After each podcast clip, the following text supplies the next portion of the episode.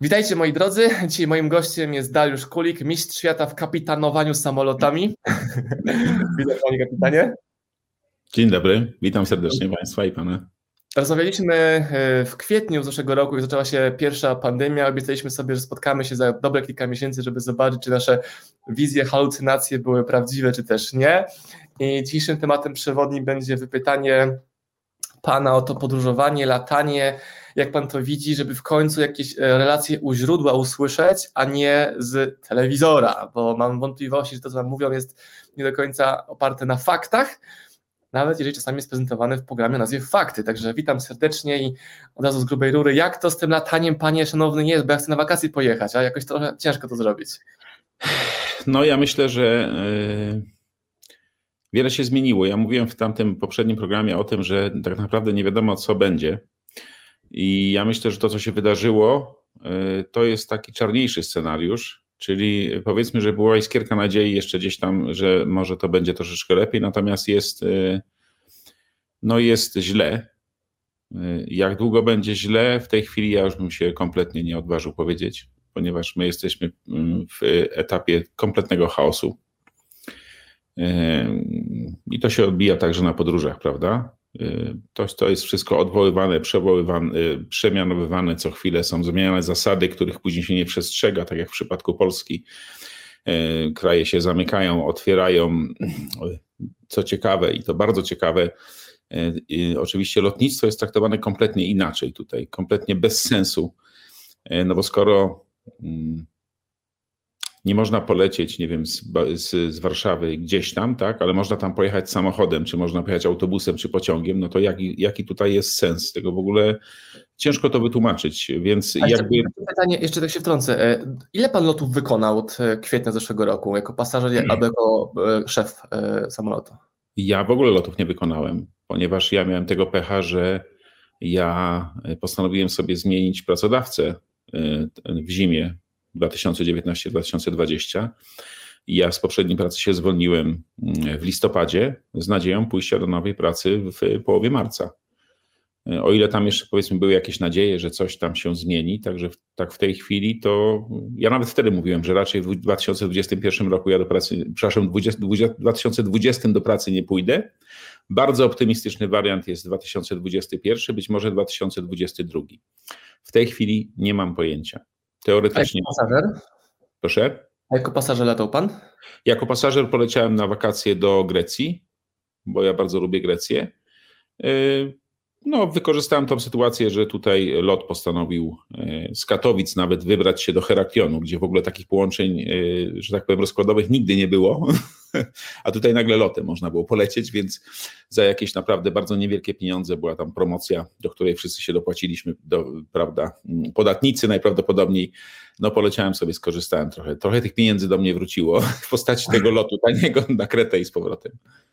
To e, zapytuję tą Grecję też od razu, bo my w zeszłym roku mieliśmy odwołane podróże do Portugalii i do Grecji. Jedno odwołanie było bardzo dziwne Portugalii, bo mieliśmy lot z Warszawy wieczorem, e, Wizarem, e, Warszawa, Porto. Mieliśmy zapakowane walizki w domu, już tylko zamknąć zameczek. I około 13 dostaję maila z Wizara, że nasza rezerwacja została odwołana. Było super dziwne to, że nasz samolot poleciał, tylko bez. No do tej pory nie wiemy, co było powodem odwołania rezerwacji. To był czas, w którym Portugalia nie do końca wiedziała, jak się określić z tymi podróżowaniami.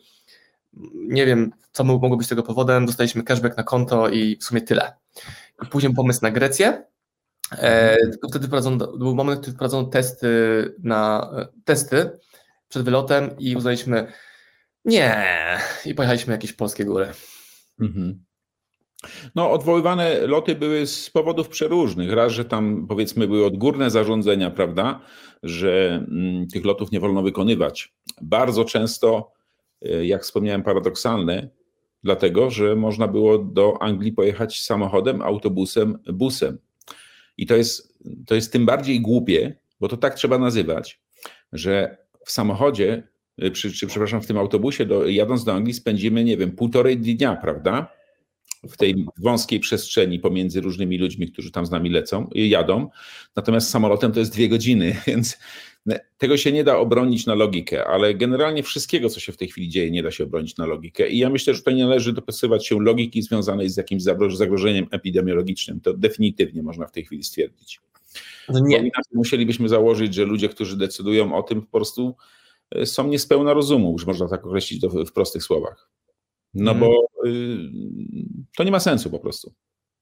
Bo ja widzę też ogromne. Ja się wypowiadam jako pasażer, nie jestem ciekaw, mhm. kto może mi doradzić jako ktoś z branży, że mam rodzinę, chcę sobie zaplanować kilka wyjazdów w ciepłe miejsca w 2021 i mi jako pasażerowi zmieniło się to, że ja nie kupię żadnego lotu dłużej niż tydzień przed wylotem, bo jest taki bajzle, że ja, ja nie wiem, jak to w ogóle do tego podejść. Też nie do końca jestem fanem tego, żeby ktoś mi robił testy, a z drugiej strony godzić się na to, żeby ktoś mi grzebał patykiem w mózgu, e, że mógł polecić na wakacje, no to tak nie do końca komfortowo się z tym czuję. Plus zostały anulowane na loty bezpośrednio do Portugalii, mhm. co spowodowało, że teraz lot trwa tam milion godzin, a nie cztery. Więc całe te zachowania moje jako klienta potencjalnego w ogóle są inne i ciężko jest mnie zachęcić, żebym ja wydał pieniądze na lot.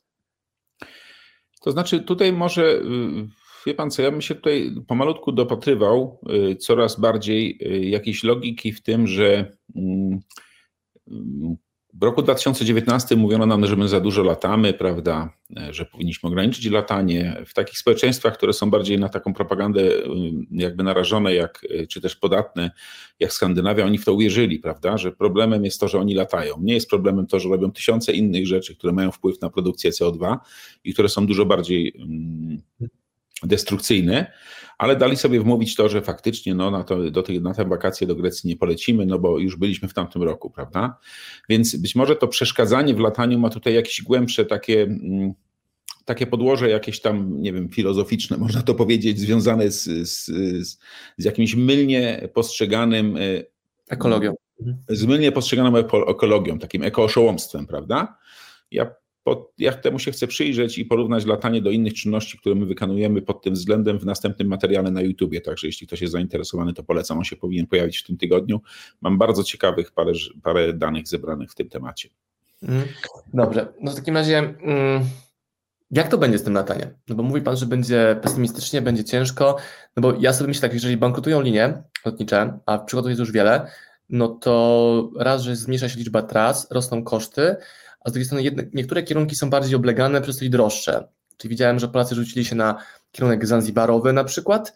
E, była popularna bardzo Grecja, zanim te testy wprowadzono, w zeszłym roku koło pewnie września, października, e, więc jak będzie ten sezon wyglądał, albo w ogóle czy ma Pan e, jakieś pomysły na biura podróży, co oni mają zrobić? Czy, bo cały czas widzę reklamy na internecie, że kup wycieczkę, kup sobie lot, promocję, coś tam, ale no, to znaczy, wie pan co, tutaj ciężko w ogóle powiedzieć komukolwiek cokolwiek doradzić, dlatego że my e, przede wszystkim nie jesteśmy, e, my nie wymagamy od ludzi, którzy decydują w tej chwili o tych wszystkich rzeczach, jakiejkolwiek logiki czy grama konsekwencji, prawda? Proszę, proszę zauważyć, że e, przykład naszego rządu, który gdzieś tam pokazuje jakieś żółte, czerwone, czarne strefy, określa jakieś zasady, po czym po dwóch, trzech tygodniach, po, po miesiącu kompletnie się do nich nie stosuje, prawda? To jest, to jest to całe to działanie i to nie tylko naszego rządu jest na kompletne widzimisię, czyli jakby tu pokazuje, to pokazuje, choćby to pokazuje to, o czym powiedziałem wcześniej, że tutaj tu wirus w tym wszystkim nie istnieje, mimo tego, że on jest, niewątpliwie. I, ciężko zanegować, że jest jakiś wirus, prawda? Ale we wszystkim tym, co się dzieje w koło, gdzieś on jest jakimś takim podkładem, ale to nie ma związku w ogóle z tym, co oni robią wszyscy i nie ma konsekwencji w tym, co robią. Nikt się od nich nie domaga konsekwencji, nikt nie zadaje pytań. Teraz zaczyna się zadawać pomału niektórych, czasami ktoś tam zadaje pytania, nawet takie ciekawe stwierdzenia słyszałem ostatnio z ust jednego z naszych ekspertów od COVID-a, że no coś wydaje się, jakby ten wirus na nas w Polsce nie działał. To jakiś tam któryś Hodban, czy któryś tam z nich powiedział, wczoraj był artykuł z tym, więc to jest ciekawe, że do nich dociera to dopiero teraz, prawda? Bardzo ciekawe. Natomiast nikt nie pyta, no, nikt nie zadaje w tym momencie, jeśli ja bym był dziennikarzem, to ja bym zadał, ale proszę pana, ale to um, może powinniśmy jakby przedefiniować nasze działania, prawda? Może nie powinniśmy patrzeć na to, y, co inni robią, bo skoro w innych wielu aspektach nie patrzymy na to, co inni robią, prawda? To może w tym też nie powinniśmy. Dajmy ludziom po prostu żyć, bo skoro da się żyć, co pokazują fakty u nas w Polsce, to może dajmy im żyć, prawda? No, bo ja widzę taki trzy kierunki. Jeden jest taki, gdzie ludzie poszli w kierunku przerażony, koniec świata, umrzemy, nie? Druga opcja takich rebeliantów, ci, którzy wychodzą na ulicę i mówią różne określenia w kierunku rządu. I trzecia grupa, w której ja się najbardziej mieszczę, utożsamiam, czyli ci ludzie z boku. Dobra, okej, okay, fuck it, nie możemy latać, to sobie urządzę własną agroturystykę na Mazurach, albo po prostu będę mieszkał przy lesie, żeby mieć przestrzeń dla dziecka do biegania, żeby tam nie siedziało w mieście. I e, pan mówi, że, że rekomenduje pan, albo należałoby wręcz domagać się od rządu czegoś. Ja nie do końca wierzę w to domaganie. Pytanie, jak duże to powstanie musiałoby być, żeby miało skutek, bo widać, że te tłumy, które są w dużych miastach, one tego wpływu wielkiego nie mają, wbrew temu, co jakby, czują. Jakby ja podziwiam ludzi, którzy wychodzą na ulicę i tak dalej. Natomiast czy to powoduje rewolucję? Nie wiem, bo ta skala ludzi jest zbyt mała na tych ulicach. Ja myślę, że y, musi dojść do tego, że y, dużo więcej osób jakby poczuje na własnej skórze to, że y, coś jest nie tak, prawda? Tak, ale tak w sensie na własnej skórze fizycznie, czyli na przykład finansowo, prawda? Bo zastosowano nieprawdopodobnie skuteczny mm, nacisk taki podprogowy, jak było nawet nazwał, czyli ten wirus, prawda? I proszę zauważyć, że ludzie nawet, którzy mówią, że a wie, chyba to tak nie bardzo aż można się bać, że trzeba racjonalnie postępować w rzeczywistości gdzieś tam wewnętrznie, ale no dmuchajmy na zimne. Nie. Od dmuchania na zimne można umrzeć. I to bardzo, że tak powiem, szybko i boleśnie. Więc y, przede wszystkim trzeba sobie gdzieś tam to w głowie uzmysłowić, prawda, że jeśli fakty pokazują to, to, to i to, to znaczy, że y, po pierwsze postępujemy źle, a po drugie ja się nie mam czego bać, bo tak naprawdę ja się nie mam czego bać. Być może gdybym ja był Amerykaninem, bo ja nie wiem, co tam się dzieje. Proszę zauważyć, że też my, to wszystko, co jest przekazywane przez media, szczególnie w głównym nurcie, to nie ma absolutnie żadnego związku z prawdą. I to się bardzo łatwo można przekonać, podróżując dużo po świecie. Jeśli ktoś dużo podróżuje i, i nie ogranicza swojego podróżowania do spędzania y, całych dni w barze, pijąc drinki all inclusive, tylko jeździ po okolicy, patrzy, jak ludzie żyją, tak dalej, tak. więc od razu człowiek widzi, że to całkiem inaczej wygląda, niż ktoś nam przedstawia. Ja nie wiem, czy ja w poprzednim materiale mówiłem y, i zaraz skończę taką jeszcze dygresję. Ja pracowałem w Grecji akurat wtedy, kiedy tam był ten kryzys. I to, co oni pokazywali w telewizji u nas, a to, co tam było na miejscu, to w ogóle nie miało nic wspólnego jedno z drugim. W ogóle nie miał nic wspólnego. Nawet była taka sytuacja, że w TVN-u dziennikarz przy jakimś bankomacie próbował z jakąś kobietą, greczynką zrobić wywiad, a ona mu powiedziała, żeby on nie szukał sensacji. Niech on poszuka sensacji u siebie w kraju, bo tutaj się nic nie dzieje. A on to mhm. próbował relacjonować tak, jakby tam jakaś bomba atomowa wybuchła, prawda? Mhm. Więc pod, dlatego podróżowanie jest ważne, żeby zobaczyć, jak to wygląda na własne oczy, i być może to jest następny powód, dla którego chcą nam to podróżowanie obrzydzić, żebyśmy tylko mieli obraz przekazywany nam przez te potężne jakieś korporacje, bo to wszystko zaczyna być bardzo skonsolidowane, prawda? Jest jedno źródło wiedzy, jedno źródło prawdy, jedno źródło lekarstw, jedno źródło zdrowia, jedno źródło światła i tak dalej, i tak dalej. Nie? No, wie pan, wczoraj miałem taki moment szoku, bo jak pan mówi porównywanie właśnie Polski ze Stanami. E, jestem ojcem i wczoraj przy, oglądałem przy komputerze ja, żona i córka we, angielską wersję Frozen, ta królowa lodu, to jakiś tam słynna bajka. Nie? I tam jest taki, taka scena, gdzie kawaler mówi do tej księżniczki you are gorgeous. A moja żona mówi, wow, oglądałam polską wersję, a w polskiej wersji on mówi do niej, a jesteś pasztetem. I tam żartują ze siebie. I ona pokazała mi Kamila wczoraj, moja żona, jak można to samo w zupełnie inny sposób tłumaczyć. Jakie to buduje stereotypy, e, to buduje takie, kurde, wow, nie? A propos oglądania u źródła czegoś, taki mega mikro mały przykładzik. No oczywiście to taki drobny przykład, prawda, że coś tam można gdzieś przekłamać, prawda? Y, I to nawet w, mm. taki, takich produkcjach jak bajki dla dzieci, już nie mówiąc o całej tej poprawności, czyli wyrzucaniu z, z świadomości dzieci, nie wiem, kopciuszków, prze, prze, przerabianiu czerwonych kapturków i tak dalej, i tak dalej, czy murzynków Bambo, prawda? No, no to właśnie jest kreowanie takiego świata, tak, tego jak my to mamy odbierać. Im więcej my gdzieś szukamy informacji innych, co na dzień dzisiejszy jest banalnie proste, aczkolwiek ciężko jest, od, bardzo często ciężko jest odróżnić, które są te właściwe, a które nie, ale przy odrobinie chęci można. A najlepszą metodą badania czegokolwiek jest metoda organoleptyczna, czyli chcemy zobaczyć, jak jest w Grecji, jedźmy do Grecji. Chcemy zobaczyć, jak jest w USA? Lećmy do USA. Chcemy zobaczyć, jak jest tu? Jedźmy tu. Chcemy poznać kogoś? To z nim porozmawiajmy, a nie opierajmy się na tym, co nam ktoś na ten temat powiedział. To następny przykład mnie bardzo zniechęcali do wylotu do Indii, jak mieliśmy tam kontrakt.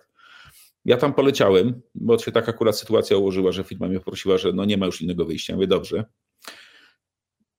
I szczerze mówiąc, kompletnie to, to środowisko, w które ja trafiłem, było kompletnie inne od tego, które mi opowiadano. Czyli być może ktoś się z tymi ludźmi tam nie może dogadywać w tych tematach profesjonalnych, tam w pracy i tak dalej. Natomiast dla mnie to była po prostu bajka. Mhm. Owszem, są pewne drobne takie jakieś y, rzeczy, które być może z kolei ktoś, dla kogoś są drażniące, tak? Ale ja uważam, że normalnie mógłbym tam bez problemu pracować i w życiu bym nie powiedział, że oni są w jakikolwiek sposób y, kogo byłem w domu, więc prywatnie nie wiem, jacy oni są. Natomiast to, co mi opowiadano odnośnie pracy w tamtym środowisku, no to się kompletnie nie sprawdziło, przynajmniej dla mnie. Mhm. Więc to pokazuje, że y, to wszystko trzeba dotknąć, poczuć, polizać i tak dalej, a nie opierać się na tym, co jest y, nam przekazywane, szczególnie podczas, na różnego rodzaju obrazkach. I im, im bardziej główny nurt, tym gorzej, prawda? Bo w tej rozmowie kwietniowej pan zapytał mnie tak pod koniec, no dobra, czy ja bym się nie, nie bał e, podróżować z rodziną, jak tam się otworzą te wszystkie loty ponownie. Ja tak powiedziałem, no kurczę, nie jestem pewien, nie? Bo wtedy autentycznie myślałem, że może być koniec świata, że wirus to jest coś, co będą ludzie leżeli martwi na ulicach za chwilkę, więc zastosujmy profilaktykę, zobaczmy to słynne, e, złagodźmy ten wykres wzrostu, prawda, żeby szpitale wyrobiły. Który nigdy nie został złagodzony, tak nawiasem mówiąc, ten pierwszy, prawda? Nigdy nie było żadnego szczytu, nigdy nie, ten szczyt się nigdy nie skończył. Y, ludzie nie pamiętają tego, co było trzy dni temu. To po no prostu... Właśnie, tak i, e, i ja teraz, gdyby, gdyby Pan mnie o to samo zapytał, to ja powiem, że no nie do końca będę fanem podróżowania, bo mi obrzydzono podróżowanie. Nie, że się boję, że umrę na lotnisku tam przy automacie z kawą, tylko że mi obrzydzono latanie, wydłużając cały proces latania, utrudniając, jest niepewność. E, no i ja jako, nie wiem, żoną jakieś byliśmy sami, to spoko, ale teraz małe dziecko gdzieś wylec na lotnisko, wracać, albo ryzyko, że ono będzie miało 37 stopni, co nie jest dla dziecka problemem mieć taką temperaturkę lekką, wracamy do domu i weź to wytłumacz dziecku, że nie, jednak na wakacje nie lecimy i ryk, o, wszystkie te rzeczy powodują, że to mi obrzydziło podróżowanie, wie pan, nie wirus. I być może tutaj jest gdzieś świadomie lub nieświadomie, celowo bądź mniej celowo, jakby w takim kierunku jest to jakby kierowane, prawda? Ja myślę, że jednak przezwycięży zdrowy, zdrowy rozsądek. Nie, nie do końca wiadomo, co by się musiało w tej chwili stać. Natomiast ja bym chciał tutaj zwrócić jeszcze jedną uwagę rzecz, która mnie po prostu drażni. Bo myśmy już wcześniej, Pan wspomniał o dwóch grupach ludzi, prawda, które są przerażone i tak dalej. I yy, ja tam mam różnych znajomych, którzy czasami różne rzeczy tam u siebie udostępniają. Jest na przykład jakiś lekarz, nie pamiętam, Piotrek czy coś takiego, który ma tam swoich wyznawców na tym naszym Facebooku. On chyba faktycznie jest lekarzem albo jakimś ratownikiem. I proszę pana, on tam tak katastroficzne wizje przedstawia, które po dwóch tygodniach się okazuje, że to się wszystko nie sprawdziło. Tylko, że sposób, w jaki on to relacjonuje, to się dotyczy też normalnie mediów, jakichkolwiek. Że nie ma odpowiedzialności za to, co oni mówią. Natomiast żaden psycholog, psychiatra, lekarz nie zaprzeczy, że wzbudzanie w człowieku strachu panicznego to jest obniżanie jego odporności, ponieważ e, stres jest bardzo silnym patogenem, bardzo silnym patogenem. Do tego stopnia, że może zabić. Sam stres. Bo były eksperymenty, ktoś mi ostatnio zwrócił uwagę, gdzie człowiek, e, który szedł na na, miał y, zginąć w wyniku wykonania wyroku śmierci. Powiedziano mu, że mu podetną żyły i się wykrwawi. W rzeczywistości mu zrobili dziurkę przy zasłoniętych oczach i on zmarł serca. Pomyślał, że się wykrwawia. Rozumiem, okej. Okay.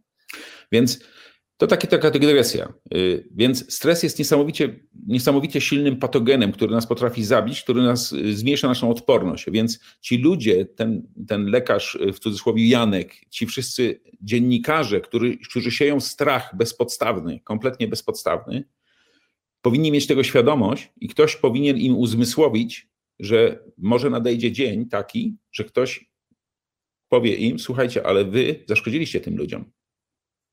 Mhm. Dzięki Wam dzięki temu, coście mówili, dzięki temu, co robiliście i jak to przekazywaliście, można powiedzieć, że umierali ludzie, bo się bali pójść do lekarza i tak dalej, prawda? E, dla mnie fantastyczny jest wysyp e, morsowania teraz w Polsce w tej porze roku. Miałem takie szczęście biznesowe, że wydaliśmy książkę o morsowaniu, guru morsowania Wima Hofa, tam, o tam na górze jest tam, tam, tam na, na półce. Mm -hmm. Więc wszystkie te takie newsy o morsowaniu do mnie przychodzą w pierwszej ręki, wszystkie memy i nie memy. Natomiast gdy zobaczyłem relację e, kolegi, który ma grupę morsującą w Warszawie i on mówi, że była policja i wypytywała, czy ty z tej grupy warszawskiej jesteś, ludzie mówi, że nie, nie, nie, nie, że nawet w mojej głowie jest tak, że ktoś może nałożyć ograniczenie na morsowanie na przykład, że nie można morsować w wodzie, bo to powoduje skupiska ludzkie, jednocześnie można pójść do galerii na przykład, prawda, albo jakieś takie abstrakcyjne rzeczy w ogóle, gdzie... No do galerii, proszę pana, do, no, przede wszystkim do marketu budowlanego, prawda, gdzie lobbying spowodował, że te, te, te przybytki nie były zamknięte nigdy, nawet kiedy, kiedy mieliśmy zamknięte lasy, prawda, Mhm. Więc może trzeba po prostu wszystko przerobić na jeden wielki market budowlany w Polsce i nagle się okaże, że wirusa nie ma. Ale to jest wszystko w psychice, wie pan. Ja tutaj, żeby podać taki prosty przykład, jak działa psychika, to mam takie bardzo ciekawe spostrzeżenie, ponieważ jednak y, udało mi się w parę miejsc pojechać w czasie tej pandemii. Głównie to rozmawiam przed komputerem, tak jak z panem w tej chwili, co już szczerze mówiąc. Trochę męczysz, nie? Można się pokolegować. Przestaje być zabawne, mówiąc tak w cudzysłowie. Wolałbym jednak z ludźmi rozmawiać normalnie, na żywo. Więc yy, taki prosty przykład z McDonalda. Proszę zauważyć, że jak były jeszcze czynne, bo teraz są zamknięte, no bo jak gdzieś jadę, czasami sobie tam usiądę, mimo tego, że na diecie jest i schudłem 30 kg, ale McDonalda odwiedzam, bo to nie zabija. Czasami jest praktyczne. No ale prosty przykład. Więc yy, wmówiono ludziom, jak jeszcze były otwarte restauracje, że bez masek możemy siedzieć, ale nie możemy chodzić po restauracji, prawda? Ja teraz pomijam sens i tak dalej, prawda? Ale co w głowie zostało ludzi, którzy tam powiedzmy na przykład obsługują w tym McDonaldzie? Otóż wchodzę do takiego McDonalda, zamawiam ten bułkę czy co tam. I akurat taki jest, że ona przynosi to do stolika, prawda? I teraz ja akurat miałem zamiar sobie zmienić stolik z jednego na drugiego, jak ona szła do mnie z tą tacą. Nie miałem maski. Ta kobieta była przerażona. Ona podchodząc do mnie stojącego bez maski, na wyciągniętych rękach z przerażeniem w oczach podawała mi tą maskę, ponieważ stojąc bez maski ja zarażam. Ale do każdego, kto siedział bez maski, podchodziła z uśmiechem pod tą maską, którą miała, oczy jej się śmiały, prawda? Po prostu zrobiono taką destrukcję w mózgach ludzkich, że to się w głowie nie mieści, prawda? Wspomniał Pan o Mazurach, to jest następny przykład, gdzie mm, wszyscy, którzy się boją tak jakby oficjalnie albo boją się podświadomie tego wirusa, wymyślili, o kurde, to ja pojadę w tym roku tam na tą wioskę, bo tam na pewno nikogo nie będzie ja tam będę daleko od ludzi.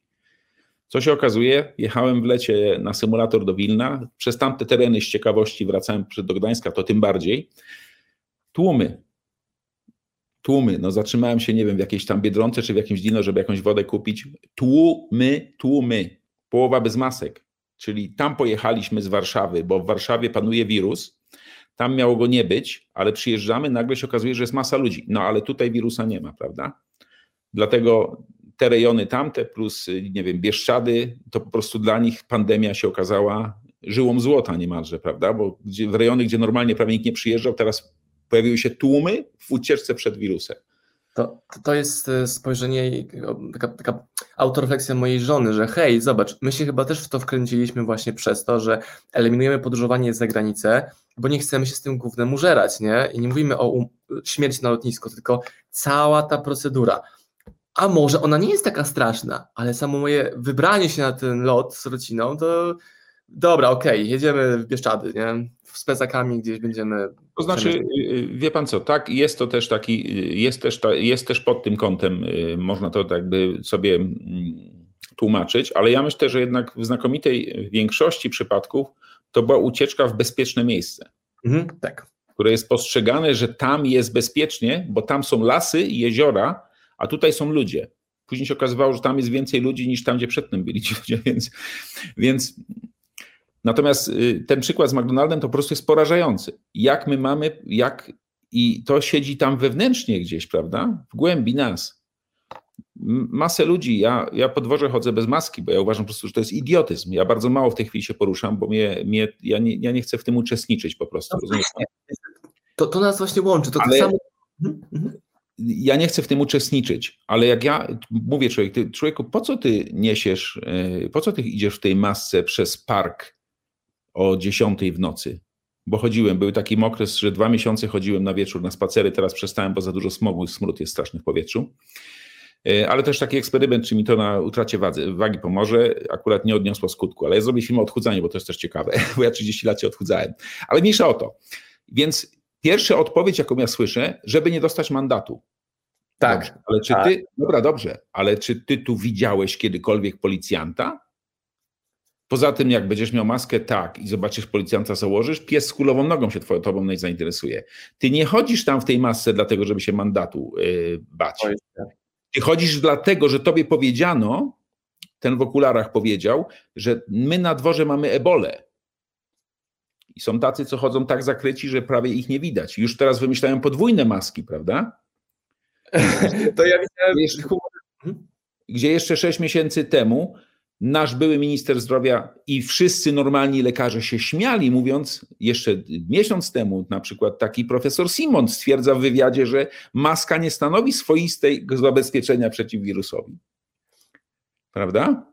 Więc jak, czym ja się mam zarazić tej masce, która nie stanowi zagrożenia, idąc pustym lasem? No nie, bo pan w okularach powiedział, że tam jest wirus, więc to w głowie mi zostało i ja teraz mam wytłumaczenie w postaci tego mandatu, prawda? Ja mam przykład humorystyczny trochę w inną stronę. Jest pan, który stoi z warzywami, taka wielka ciężarówka rolnik koło Lidla, koło nas i on ma maseczkę, a ja patrzę, hmm, jak to jest możliwe, że przez maseczkę ja widzę, jego usta? on sobie wyciął warstwy z przodu i taką wręcz firaneczkę miał, nie? Też mam taką. Bardzo dobrze się oddycha w tym. Nie. Prawda? Prawda? E, tylko teraz jest drugiej fali zauważyłem, w ogóle ciekawą stronę nasza, nasza rozmowa idzie, to jest bardzo fascynujące, że tak się w tym wątku zgadzamy, że w tej drugiej pan, pandemii mm, widziałem u ludzi, którzy nawet nie do końca wierzyli w ten cały koniec świata, że teraz wierzą, bo uwaga, mam wokół siebie przykłady ludzi, którzy umarli na COVID. Kropka, nie? I to powoduje, że ci nawet, którzy nie wierzyli, bo profilaktycznie izolują się, profilaktycznie używają maski, a jednocześnie mi wychodzi, że ta grupa, która najbardziej uważa, ma najwięcej interakcji ludzkich.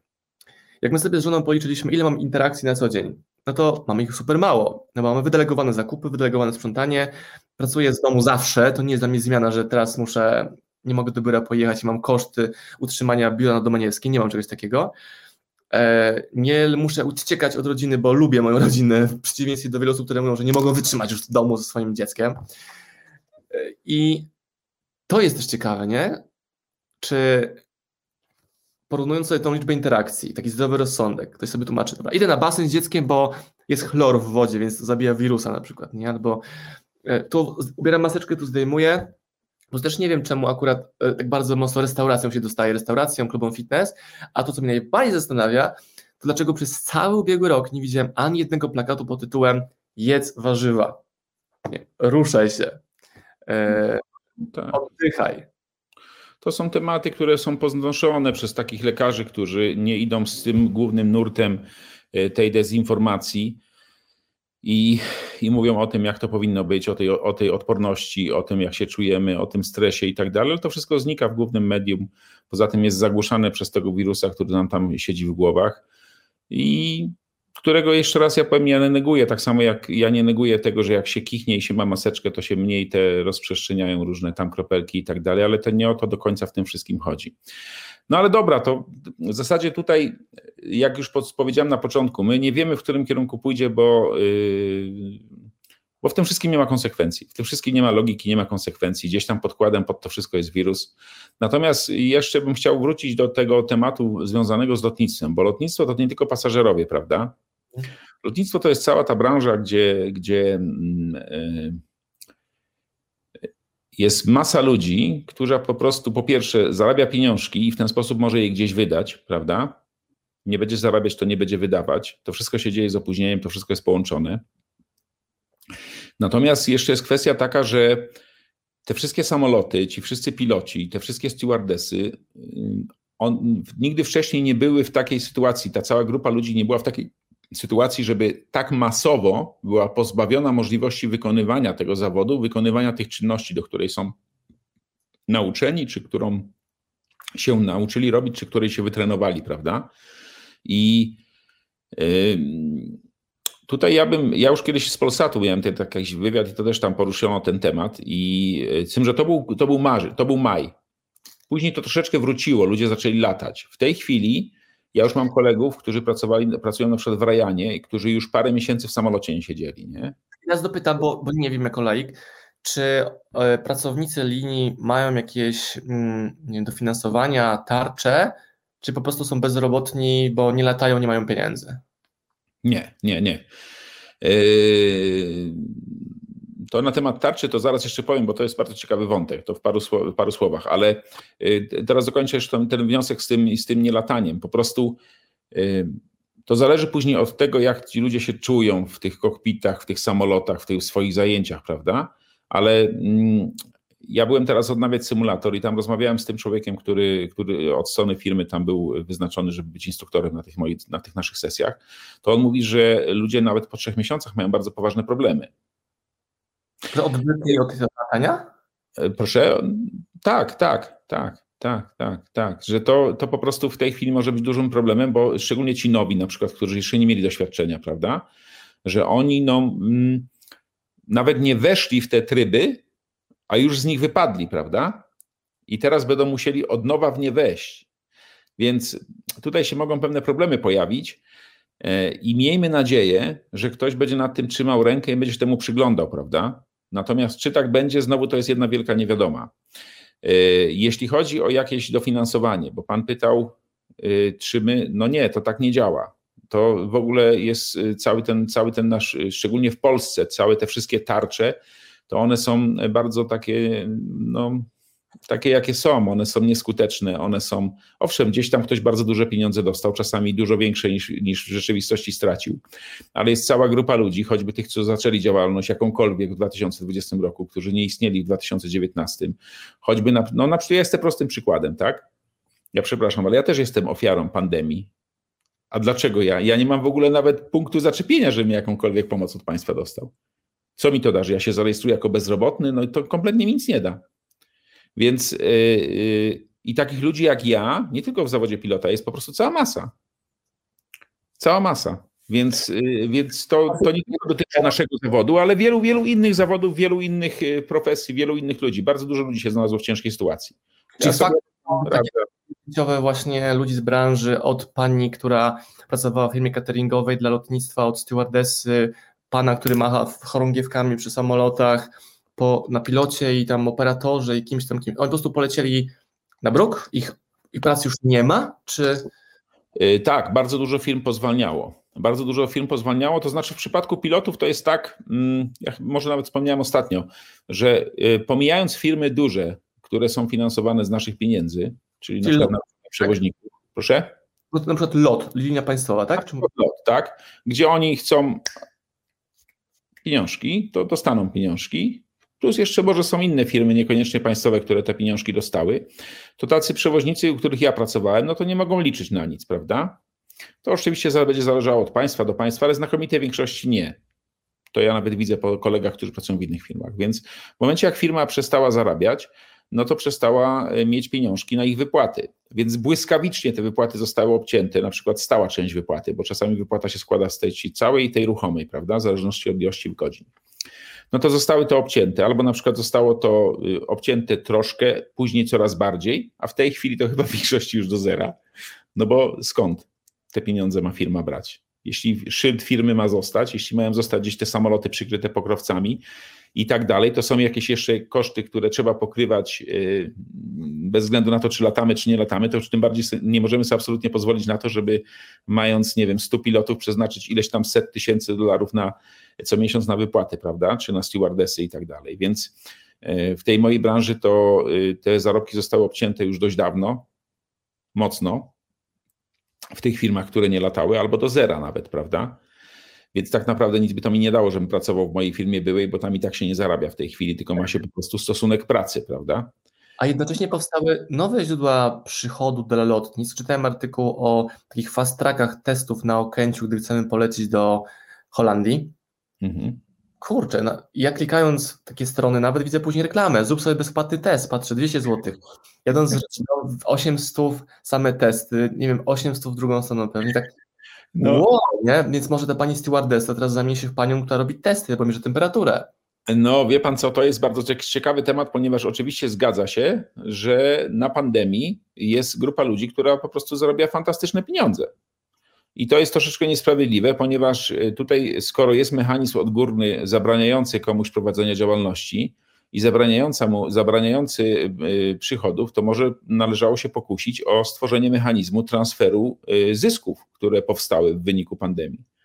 Czyli mm, skoro już robimy taki kompletny komunizm, prawda, że tu zabraniamy, tam zabraniamy, tu regulujemy, to uregulujmy także to w drugą stronę. Czyli jeśli ktoś otworzył biznes na sprzedaży właśnie tych testów, no to super, bardzo dobrze, mnie to cieszy, ale tych, tego biznesu nie miał w 2019 roku, tak? Więc może niech, skoro ktoś tam stracił, a on zyskał na tym, że myśmy czegoś zakazali, że myśmy zabronili, a jednocześnie pozwoliliśmy, czy wymusiliśmy sytuację taką, że ktoś świetnie zarabia, no to bardzo proszę, niech się może podzieli z tym i wtedy może wszyscy w tym trwajmy, prawda? I wtedy możemy trwać może dłużej w tym wszystkim. Dobrze, a też zapytam trochę w inną stronę. E, najbogatsi na świecie, Mam taką hipotezę, że e, i też ich podziwiam za to, że nie czują pandemii na poziomie podróży, bo wsiadają sobie w swój prywatny samolot, lecą w siup ze świtą i wysiadają sobie w dowolnym części świata. Tak. Tylko I to jest pytanie, czy tak rzeczywiście jest?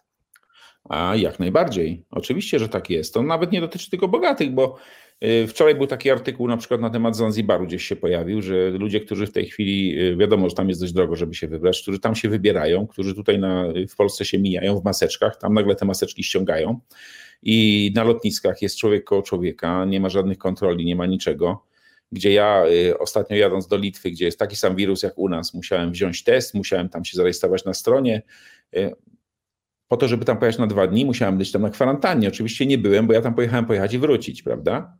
I na granicy mnie kompletnie nikt nie interesował się tym, czy ja tam w ogóle przejeżdżam. Po prostu przejechałem przez granicę jak zawsze samochodem, wróciłem tak jak zawsze samochodem, nie zatrzymując się w ogóle. Tam nikt mnie nie przed skontrolować, natomiast gdybym chciał lecieć samolotem, no to musiałbym te wszystkie procedury przechodzić. Musi, sprawdzaliby, czy ten test mam zrobiony. Ja go zrobiłem na wszelki wypadek, ale nikt tego nie sprawdzał. Mhm. Więc y, tak samo to dotyczy tych wszystkich bogatych ludzi, prawda? że no, nie szwędają im się pod nogami, prawda? Hmm. Czy ja jestem... sobie polecą, wsiądą. I tutaj e, to jest też taki ciekawy wątek odnośnie lotnictwa i jego wpływu na środowisko, gdzie ktoś wyliczył, że 1% podróżnych w lotnictwie, ale to generalnie tak dotyczy innych tych e, zagadnień związanych z naszym życiem. 1% ludzi korzystających z lotnictwa, czyli mówiąc krótko pasażerów, jest odpowiedzialny za połowę CO2 emitowanego przez lotnictwo. Hmm. Tak. I to oczywiście ma sens, bo to są takie rzeczy, nad którymi się człowiek nie zastanawia, ale proszę sobie wyobrazić, że ten biznes jet, który leci z Warszawy do gdzieś tam, nie wiem, do Paryża, tak, to on przewozi dwie osoby i spala powiedzmy, e, nie wiem, jedzie 500 litrów paliwa, tak, mówiąc na litry, bo my tam w litrach nie liczymy. No ale gdyby ten człowiek przyleciał pasażerskim samolotem typu Airbus 320, to na trasie do Paryża spaliłby 20 w przeliczeniu na osobę. Mhm. Więc y, to pokazuje, że na przykład pasażer y, siedzący w biznes klasie, który, którego siedzenie rozkładane zajmuje trzy miejsca klasy ekonomicznej, jest odpowiedzialny za zużycie CO2 trzech pasażerów klasy ekonomicznej. I stąd to się bierze. E, ja o tym chcę właśnie powiedzieć w tym materiale, bo to są bardzo ciekawe rzeczy. No ja z, z, pierwszej ręki jeszcze taki zapowiadając ten materiał, to mogę powiedzieć na przykład, że mam kolegę, e, miałem kolegę mm, pracując jeszcze w Erbaltiku gdzieś tam e, w 2011 roku, który przeniósł się do firmy latającej na biznes jetach do Moskwy. No więc on mi opowiedział, że jego mm, współtowarzysz z tej firmy swego czasu raz leciał na przykład po pomidory do Soczi z Moskwy, żeby przywieźć pomidory świeże na kolację bo ten właściciel tego samolotu inaczej nie mógł zaimponować tamtej swojej kobiecie niż tym, że przywiezie jej pomidory na kolację z Soczi, które są świetne, bo w Soczi, mhm. prawda? I to jest taki fakt autentyczny, jak to mówią, z pierwszej ręki. Więc jak sobie można wyobrazić, tutaj no ten pan w ogóle się nigdzie nie ruszył z miejsca, prawda? A wypuścił w atmosferę naszą biedną, e, nie wiem, CO2 z tony czy z dwóch ton paliwa, prawda? Więc to jest... ślad węglowy jest ok, nie? Dokładnie, dokładnie. Ten wątek dalej ciągnąc, bo pan jest takim hubem, satelitą łączącym pewnie nas e, z innymi krajami pod kątem kontaktu z pilotami, których pan zna osobiście. No i kilka przykładów, jeśli pan takie ma, e, z różnych krajów, co oni myślą, sądzą, będąc wiem, w Indiach, w Stanach, w Maroko, o tym lataniu, pana koledzy z branży, co oni mówią? Też nie rozumieją, czy mówią, no dobrze, że tak się wydarzyło? Żeby... W tej chwili, ponieważ ja, ja przestałem e, pracować w listopadzie, to ja tak naprawdę z ludźmi z, jakoś z branży e, kontaktu nie mam. Jedyne co na przykład na symulatorze byłem dwa razy, bo musiałem odnawiać uprawnienia. No to, to prosty przykład panu e, podam z ostatniego mojego wyjazdu ze stycznia właśnie parę dni temu, gdzie pojechałem do Wilna na symulator, to już mówiłem, tak, że gdybym leciał samolotem, to te całe maski, FP2, tam jakbym leciał z, z, z Frankfurtu, to bym musiał nawet tą supermaskę założyć, prawda? To jest następny absurd. Dlaczego akurat na lotniskach supermaski, a w autobusie nie? po prostu, ale mniejsza o to. Y, no więc tam na tym symulatorze spotkałem y, Szwedów, dwóch młodych. Dwóch młodych Szwedów, ja byłem, y, Litwin i Włoch. Włoch. Tak, zaczyna się, nie? Spotyka się Polak z Litwinem i Włoch. Tak, Włoch zamaskowany, Litwin średnio. Ja w pierwszej chwili przez grzeczność też, no ale siedzimy w tym symulatorze tam, później już ale patrzę, wysiadają ci, ci Szwedzi z tego samolotu, z tego symulatora, przepraszam, na symulatorze byli, bez masek uśmiechnięci. Czyli widać, że oni jednak tam jest całkiem co innego, mają całkiem inne jakby mm, wyobrażenie tej całej sytuacji, ale widzę, nikt nie zwraca uwagi. Y, to, to ja się też poczułem swobodnie tam i, i po prostu y, sobie później tam w tym symulatorze nie ściągnąłem, później też w ogóle nie ten. To jakby wie pan, ja teraz sobie zdaję sprawę z tego, że tutaj będzie jakiś taki atak, że to nieodpowiedzialność i tak dalej. Ja tego wcale tak nie odbieram. Ja tego wcale tak nie odbieram, bo to wszystko zależy od tego, gdzie, co, kto, jak patrzy na to, jak to analizuje, według mnie. Ja zresztą był film na kanale, gdzie ja y, podnosiłem kwestię oceny ryzyka. I ja odniosłem tą całą sytuację, którą mamy, do oceny ryzyka w awiacji. I pokazałem, że my w tej chwili w ogóle żadnej oceny ryzyka nie robimy. W ogóle żadnej oceny ryzyka nie robiła. Ja swoją zrobiłem i ona mi mówi, że mogę tak robić, jak postępuję i, i będzie dobrze. A co w takim razie jeszcze z tym wątkiem, to już będzie na koniec poruszać, hmm, polecisz, jak się zaszczepisz? I ja takie komunikaty widzę, y, czy to już na stronach. Ja wiem, że linia lotnicza, znowu hipoteza moja, linia lotnicza woli pójść w kierunku pacjenta, pacjenta, już mówię pacjenta, nie pasażera, który się zaszczepił, bo jest bezpieczniejszy na poziomie biznesowym na tej linii, że widać ewidentnie, że rządy promują bycie zaszczepionym i jak jest zaszczepionym, no to mieć łatwiej w życiu, latać ludzie. Mam znajomych, którzy się szczepią dlatego, że oni nie chcą być wykluczeni. Mówię, no dobra, ale ty mówisz mi, że sobie wstrzykujesz coś w swoje święte ciało, żebyś mógł latać albo się przemieszczać. No tak, to jest spoko. Ja tego nie ogarniam w ogóle. To znaczy, wie pan co, szczepienia generalnie są spoko, bo tam negowanie jakby wartości szczepień dla, dla tak powiem, ludzkości, no to jest jakiś absurd, prawda? Natomiast skoro prezes Pfizera, prezes były, przez 30 lat siedzący w biznesie, w wywiadzie, który jest dostępny publicznie, to nie jest jakiś tam Kulik czy jakiś, prawda, Marcin Osman, który coś sobie tam opowiada, tylko ciężko znaleźć człowieka bardziej siedzącego w biznesie, tak? No i on w wywiadzie mówi, że y, zaszczepienie całej, ludz- całej populacji, czym, znaczy inaczej, potraktowanie całej populacji czymkolwiek nowym, to już nieważne, czy to będzie szczepionka, czy to będzie nowy rodzaj kawy, czy nowy rodzaj ubrania, jednocześnie jest pomysłem absolutnie szalonym. On tam jakiegoś nawet ostrzejszego słowa użył. Więc ja na przykład się zaszczepię, jeśli ja będę uważał, że może mi coś grozić, prawda?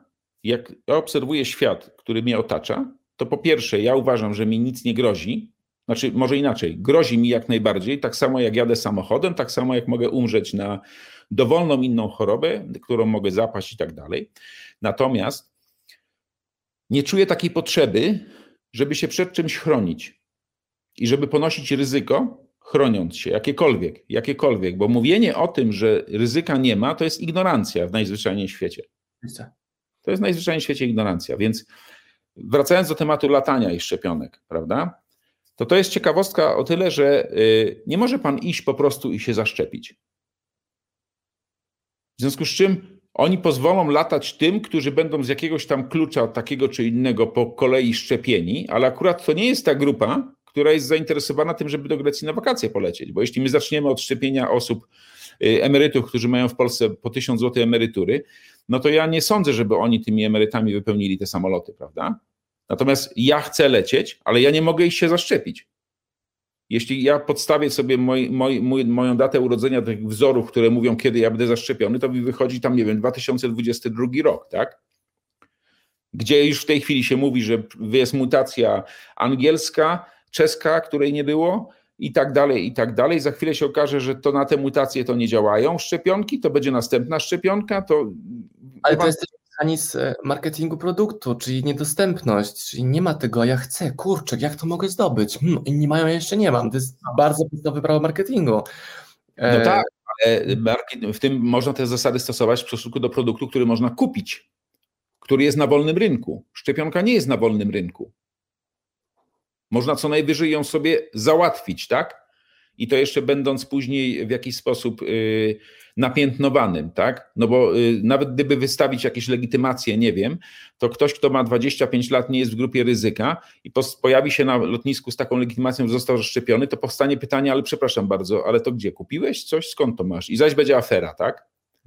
Więc takie mechanizmy można stosować jak najbardziej w stosunku do produktów, które można kupić. Natomiast produktów gdzieś tam załatwianych spod lady, no to nie bardzo, bo tym się nie bardzo można pochwalić, tak? Wsiadając do samolotu. No bo skoro nie jesteś w grupie, nie należy ci się, a wsiadasz do tego samolotu, bo pokazujesz, że byłeś zaszczepiony, to powstaje pytanie, ale w jaki sposób? Czy ja jestem ogromnym fanem wolności, czyli chcesz, proszę, ale jeśli ja nie chcę, albo pan Dariusz Kulik nie chce, no to hej, step back, nie? Ale tutaj widzisz, że idziemy w kierunku tego, że. No ale to jest bardzo ciekawe, co pan mówi, bo na przykład w tym momencie pada taki argument. Dobrze, to jak ty się nie zaszczepisz, to jak będziesz szedł do szpitala mając COVID, no bo to się może zdarzyć, panu i mi, to hmm. będziesz musiał płacić za to, że się leczysz.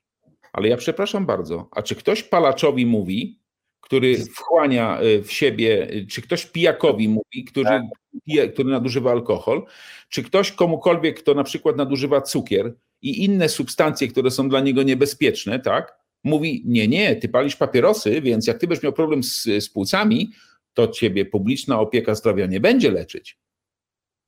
No to też jest wątek niebezpieczny, no bo ja, ja najbardziej, jeśli chodzi o mój strach, to boję się tego, że zachoruję na cokolwiek i będę musiał do tego szpitala pojechać i żona zostanie sama w domu. Ładnie. To, tego, tego się autentycznie boję, więc cisnę co mogę. Morsuję ile tylko się da, oddycham, yy, ruszam się, yy, jem warzywa. Mówię bardzo ogólne hasła, nie? Ale ten rok był dla mnie najzdrowszym rokiem. 20, 20... Pan, hmm? Tutaj, bo ja później mi ten wypadnie Montek. Jeszcze powrócę do tego lekarza Janka w cudzysłowie. Otóż mhm. lekarz Janek opisywał tam, strasząc tych ludzi śmiertelnie, opisywał przypadek człowieka, który przyszedł do szpitala w stanie agonalnym i walczyli o jego życie. A dlaczego przyszedł w sprawie agonalnym? Dlatego, że zachorował na jakieś przeziębienie dwa tygodnie wcześniej i bał się iść do tego szpitala. Dopiero jak już padł na twarz i nie wiadomo, czy w ogóle go nie zabrali bez jego świadomości, to wtedy poszedł do szpitala. A dlaczego bał się iść do szpitala? Między innymi przez to, co, co lekarz Janek opowiada na tych wszystkich forach, tak? Więc on sobie szykuje klienta, którego później będzie y, y, ratował i relacjonował na tych forach, jak on go to ratuje, bo on przyszedł w stanie agonalnym do tego szpitala. On przyszedł w stanie agonalnym, dlatego że go pan Janek tak postraszył bardzo mocno, bo gdyby go nie postraszył, to może by w ogóle ten wirus się skończył u niego y, utratą smaku albo węchu, a później by się to nie rozwinęło w taką formę, że on się, bojąc do lekarza iść, nabawił się jakiegoś zapalenia płuc czy czegoś takiego. To jest troszeczkę, wie pan, jak z tymi podpalaczami, strażakami, prawda? To jest dokładnie taka sama sytuacja, że najpierw tak. idę podpalić tą stodołę, a później sobie zrobię selfie, jak, jak go ugasiłem, no chyba, żeby się nie, że się nie udało, no to przynajmniej jaki byłem, jaki byłem dzielny i ugasiłem tą stodołę, prawda? Coś się boję, panie Dariuszu, że nie będziemy za bardzo lubiani po tym wywiadzie, bo poszliśmy w wątki bardzo ciekawe. Wie pan co, ale to, jeśli ktoś neguje tego typu rzeczy, to uważam, że po prostu no, ja nie wiem, no, jeśli ktoś y, w tym, momencie próbuje nam zarzucić, mówiąc takie rzeczy, że my coś mówimy nieprawdziwego czy niezgodnego z nauką, no po prostu jest, y, jest hipokrytą, bo to tego, tego, że stres przeszkadza naszemu organizmowi, temu, że nie wolno ludzi straszyć bezpodstawnie, tego, że ci ludzie się boją iść do szpitala, tak jak pan powiedział, pan się boi, ja się boję, bo nie wiadomo, gdzie mnie wywiozą. Wykryją mi COVID, bo to można wykryć w każdej chwili każdemu i powiedzą mnie, nie, to dla ciebie tu nie ma miejsca, pojedziesz do Warszawy. Tam będziesz odcięty od rodziny, od wszystkiego, tak? Nie daj Boże, jak po drodze ci się telefon rozładuje, od warki nie, nie weźmiesz i tak dalej, to słuch po tobie zaginął. No ale tak to, to są fakty, tak to się dzieje. Prawda? Więc negowanie tego to jest tak, jakby negować to, że nie wiem, że po dniu jest noc, po, po nocy jest dzień i tak dalej. Więc no, tak samo jak negowanie tego, że bardziej się można zarazić jadąc autobusem półtorej dnia do Anglii niż lecąc samolotem dwie godziny. No. No, czymkolwiek można zarazić, przecież tam jest obieg powietrza, wilgotność, nawet ja pamiętam, autobusem nie jechałem 100 lat, już takim e, transgranicznym. Ja nie lubię, bo ja dużo sam się nie mieszczę. Jakby ktoś miał usiąść koło mnie, to, to ja sobie nie wyobrażam półtorej dnia tak jechać. Nie? To raczej jest dla takich drobniejszych osób, bo te siedzenia są tam węższe. A w samolocie też są niewiele szersze, ale w samolocie to jest nawet na Wyspy Kanaryjskie, nie wiem, 4 godziny. Natomiast jak siedzę, no to już w ogóle mam komfort, bo tam są te siedzenia wbrew pozorom bardzo wygodne i mogę lecieć 6 godzin stamtąd nie wychodząc, prawda? No, w takim razie na koniec spróbujmy, pana o to poproszę o postawienie hipotez, jak to latanie przez kolejne pół roku będzie wyglądało. I za pół roku spotkamy się i zobaczymy. Bo na razie mówimy, no przerąbane. Wie pan co? Ja myślę, że to, to nawet nie jest guślarstwo w tej chwili. Żeby, żeby próbować przewidzieć, co będzie za pół roku. Yy... Czy, czy, czy poleci do Grecji w sierpniu? To jest moje pytanie. Ja polecieć w sierpniu i panu też życzę, żeby pan poleciał w sierpniu. Aczkolwiek o ile w tamtym roku y, ja sobie zarezerwowałem te bilety dużo wcześniej, bo one były tanie, o tyle w tym roku na razie nie ma takich opcji. To są bilety dość drogie. Do, na Heraklion nie ma w ogóle, czyli już w tym roku lot nie, nie zawiezie mnie za moje pieniądze do Heraklionu, bo w tamtym roku mnie zawiózł chyba za 100 zł od osoby. Więc yy, ja mówię, z Katowic do Heraklionu nie ma w ogóle, jeśli w ogóle są jakieś loty. Ja myślę, że te, te w ogóle te siatki w tej chwili są w ogóle jeszcze nieopracowane. Oni nawet nie wiedzą, co mają dać tą siatkę, wie pan. Więc sytuacja jest chyba dużo gorsza niż była w tamtym roku. Bo w tamtym roku oni mniej więcej wiedzieli, ja kupowałem. Tak, tak. tak. Oni założyli, oni założyli, że te loty się odbędą. Dlatego później dużo pieniędzy musieli zwrócić i tak dalej. W tym roku już nikt takiego czegoś zakładał nie będzie co mogą zrobić? No to mogą zrobić tak, że ograniczą tą ilość lotów, y, ponieważ one będą takie ad hoc, prawda? To ograniczą ich ilość, żeby nie ponosić ryzyka. Jeśli ograniczą ich ilość, to oczywiście pójdą wyżej ceny, tak? Jeśli pójdą wyżej ceny, no to wiadomo, że coraz, że mniej osób sobie będzie mogło pozwolić na to. Efekt będzie taki, że bez wstydzenia się latania ograniczymy latanie, prawda? Tylko, że to nie ma żadnego związku z tym, y, znaczy to nie będzie miało żadnego wpływu na to, ile tego CO2 będzie wyemitowane. Bo zamiast wsiąść w samolot i polecieć do Grecji i zużyć 50 kg paliwa, my wsiądziemy w samochód i pojedziemy, nie wiem, do, do, na Chorwację, czy że w samochód wsiądziemy, czy pojedziemy samochodem nad morze i tak dalej, i tak dalej. Bilans wyjdzie być może na zero, prawda? No poza tym, że osiągną ten cel, no że nie polecimy, nie zobaczymy, jak to gdzieś wygląda i tak dalej, i tak dalej. To jest, ale to już, to, wie pan, to, to nie są takie rzeczy, które jakby, to są takie luźne rozważania, bo w tej chwili możemy sobie tylko luźno pogadać i luźno, luźno porozważać, ponieważ my, my, nie, my nie, przede wszystkim my nie wyciągamy konsekwencji w stosunku do tych ludzi, którzy nami rządzą. To jest największy problem. Oni sobie coś tam mówią dzisiaj, za tydzień jest całkiem co innego i mówi, ale słuchaj, mówiliście tak, było tydzień temu tak, mówiliście, prawda? No ale przecież był wirus, zmieniła sytuacja gwałtownie na świecie. Ale tutaj mówimy o jakichś tam, nie wiem, jakieś tam były te um, um, ustalone ramy, a sami ich nie przestrzegają. Więc w tej chwili mówienie o tym, co będzie, co będzie no to, to naprawdę jest. Ja, ja myślę, że ja już to powiedziałem chyba z trzy czy cztery razy. To z jedną z tych wypowiedzi pan wytnie, bo, bo to, żeby się nie powtarzać. Ale naprawdę, to jest po prostu jedyne podsumowanie w tej chwili. Dlatego ja może to powtarzam, bo ja mam tych pytań bardzo dużo, prawda?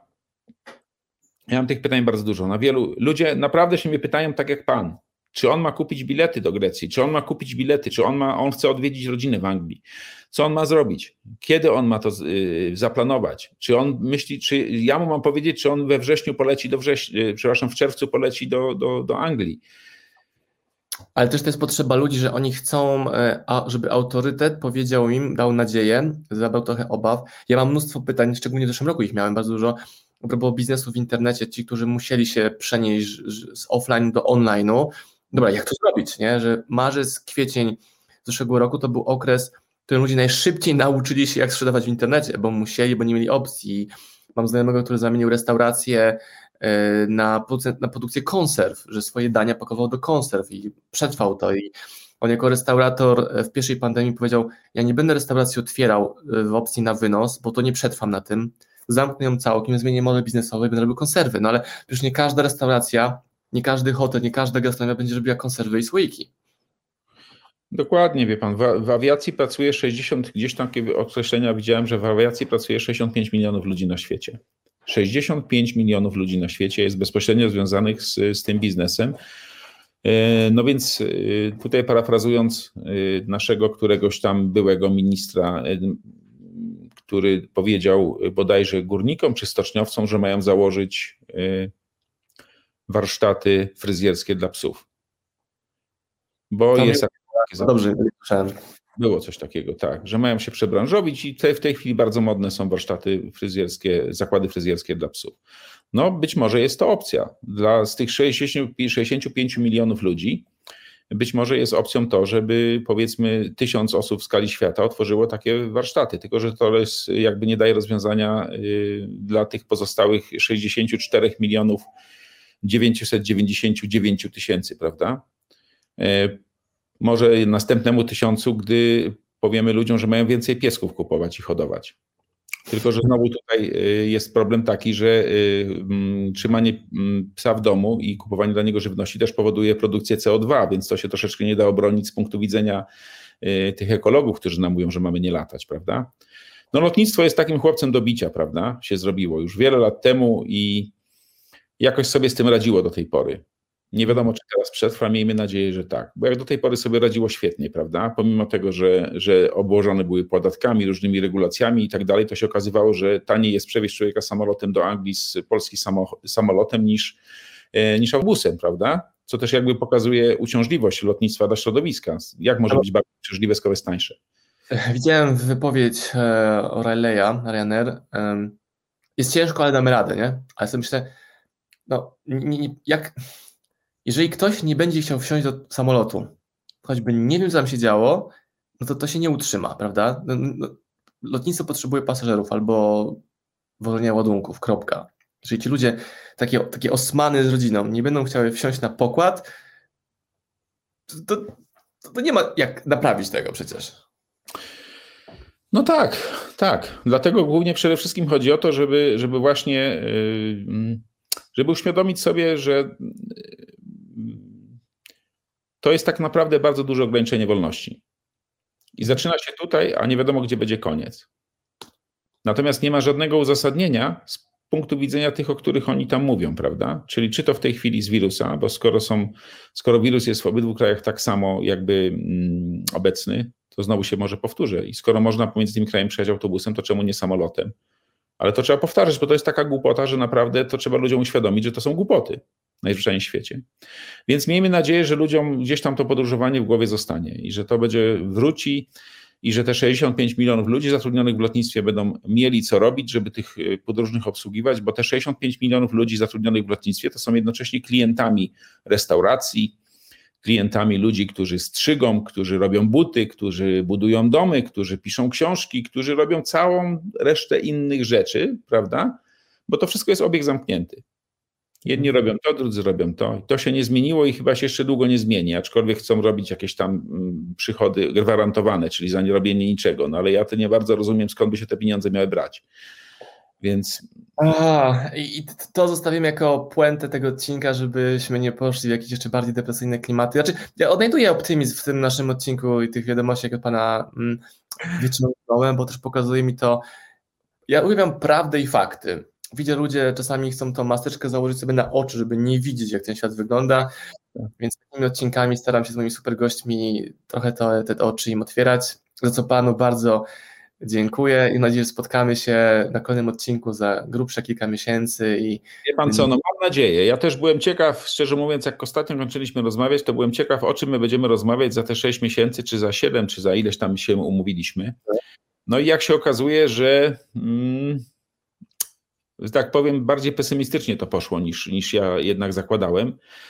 E, oby teraz tak nie było. No. Oby tak nie było i żebyśmy się spotkali za te, nie wiem, pół roku, czy na początku, no czy no nie wiadomo kiedy tak naprawdę. I żebym powiedział, że a, no pracuję, udało się znaleźć jakąś pracę. Oczywiście to nie jest poziom z roku 2019, ale coś tam się uda robić, bo ja lubię latać.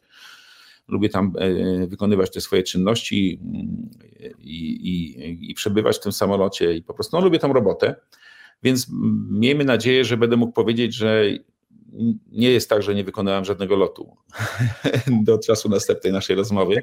Panu, życzę panu tego, żeby pan mógł być kapitanem samolotu, na którym Osman jedzie na wakacje. O! O! To jest w ogóle. A już idealnie byłoby, Idealnie byłoby, gdyby to była taka linia lotnicza, bo są takie linie lotnicze, które mają też zdrowy rozsądek do tego, że można na przykład kogoś z rodziny zabrać do kokpitu, bo niby dlaczego nie. E, to może jeszcze będę pracował w takiej linii, że będzie mógł Pan ze mną na cruzie wypić kawę w kokpicie, patrząc e, przez te nasze panoramiczne okna, prawda? Poznam te tajne hasła kapitana z załogą, tych nikt nigdy nie ma. Tak, Osman na przykład, bo jestem Power. Mamy optymistyczny akcent na koniec tego panu i sobie życzę. Oj, to już, by, to już jest tak powiem plan maksimum, no ale może akurat. W najgorszym przypadku to będę na pokładzie z tyłu, a pan z przodu i też będziemy ogarniać. Pozdrawi mnie pan z głośnika. Pozdrawiam pana pasażera z miejsca 5C. Dobrze, bardzo panu dziękuję za rozmowę. Pozdrawiam serdecznie. I, i wszystkiego dobrego życzę panu i wszystkim tych, tym, którzy tego wysłuchali do końca może. Dziękuję bardzo.